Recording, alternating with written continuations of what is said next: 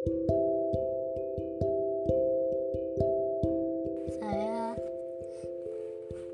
saya sebenarnya nggak tahu saya mau ngomong apa. Episode ini saya buat tanpa naskah. Saya cuma lagi capek. Capek hidup bang terus. Capek jadi diri sendiri terus pengennya jadi kayak manusiawi. Sekali-kali saya pengen caper ke dunia. Saya lagi nggak baik. Apa mungkin saya boleh capek? Fase paling sendu dalam hidup saya ketika segala hal bisa dilakuin sendirian. Nggak boleh nungguin orang lain. Karena nyelesain sesuatu bisa diharapin ya diri sendiri. Saya nggak pernah tahu rasanya bercanda di kantin upacara atau bahkan milik kelompok bareng temen. Karena nggak ada yang mau. Sampai akhirnya akhir-akhir ini saya berhasil dapat temen rasanya tuh kayak seneng banget. Saya tuh kayak bilang kayak pengen gitu bilang ke dunia saya dapet teman. Tapi kesenangan itu kayaknya nggak lama. Karena sebentar lagi kenaikan kelas dan kita pasti harus pisah. Oke fase pahit bakal keulang lagi kayaknya banyak banget yang nanyain ke saya. Emang kan bener gak punya temen. Instastory kamu seneng terus. Ah masa sih gak punya temen? Mana mungkin sih?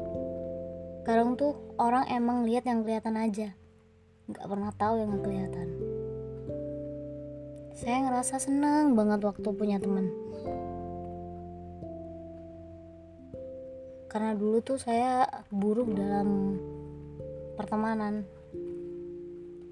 Kadang tuh dulu ada yang peduli ke saya perhatian sama saya. Saya ngerasa seneng banget waktu itu. Saya cerita tuh masalah saya ke dia seluk beluk masalah semua saya ceritain ke dia.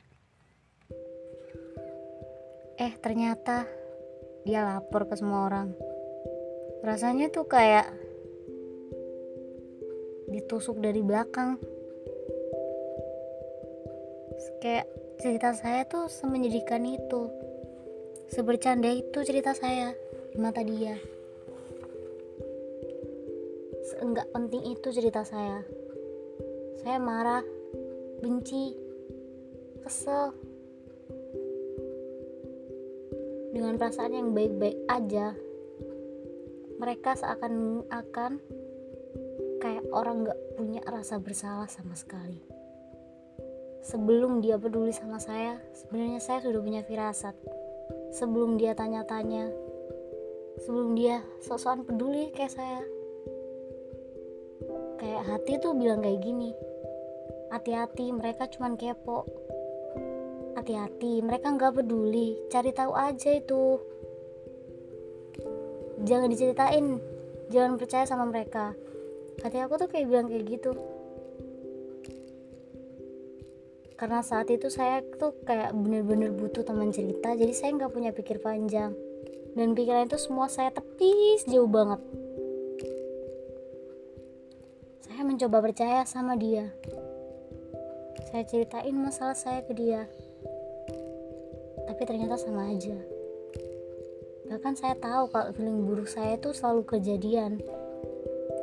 Dua bulan setelah itu setelah saya cerita sama dia saya tahu dia bongkar semua cerita saya ke orang lain. Saya capek capek dijadiin samsak. Rasanya tuh sesek. Saya butuh liburan kayaknya. Selama ini saya pengen banget pulang. Pulang yang bener-bener pulang pulang dengan selamat dengan perasaan nyaman dan tenang. Saya cuma pengen sembuh.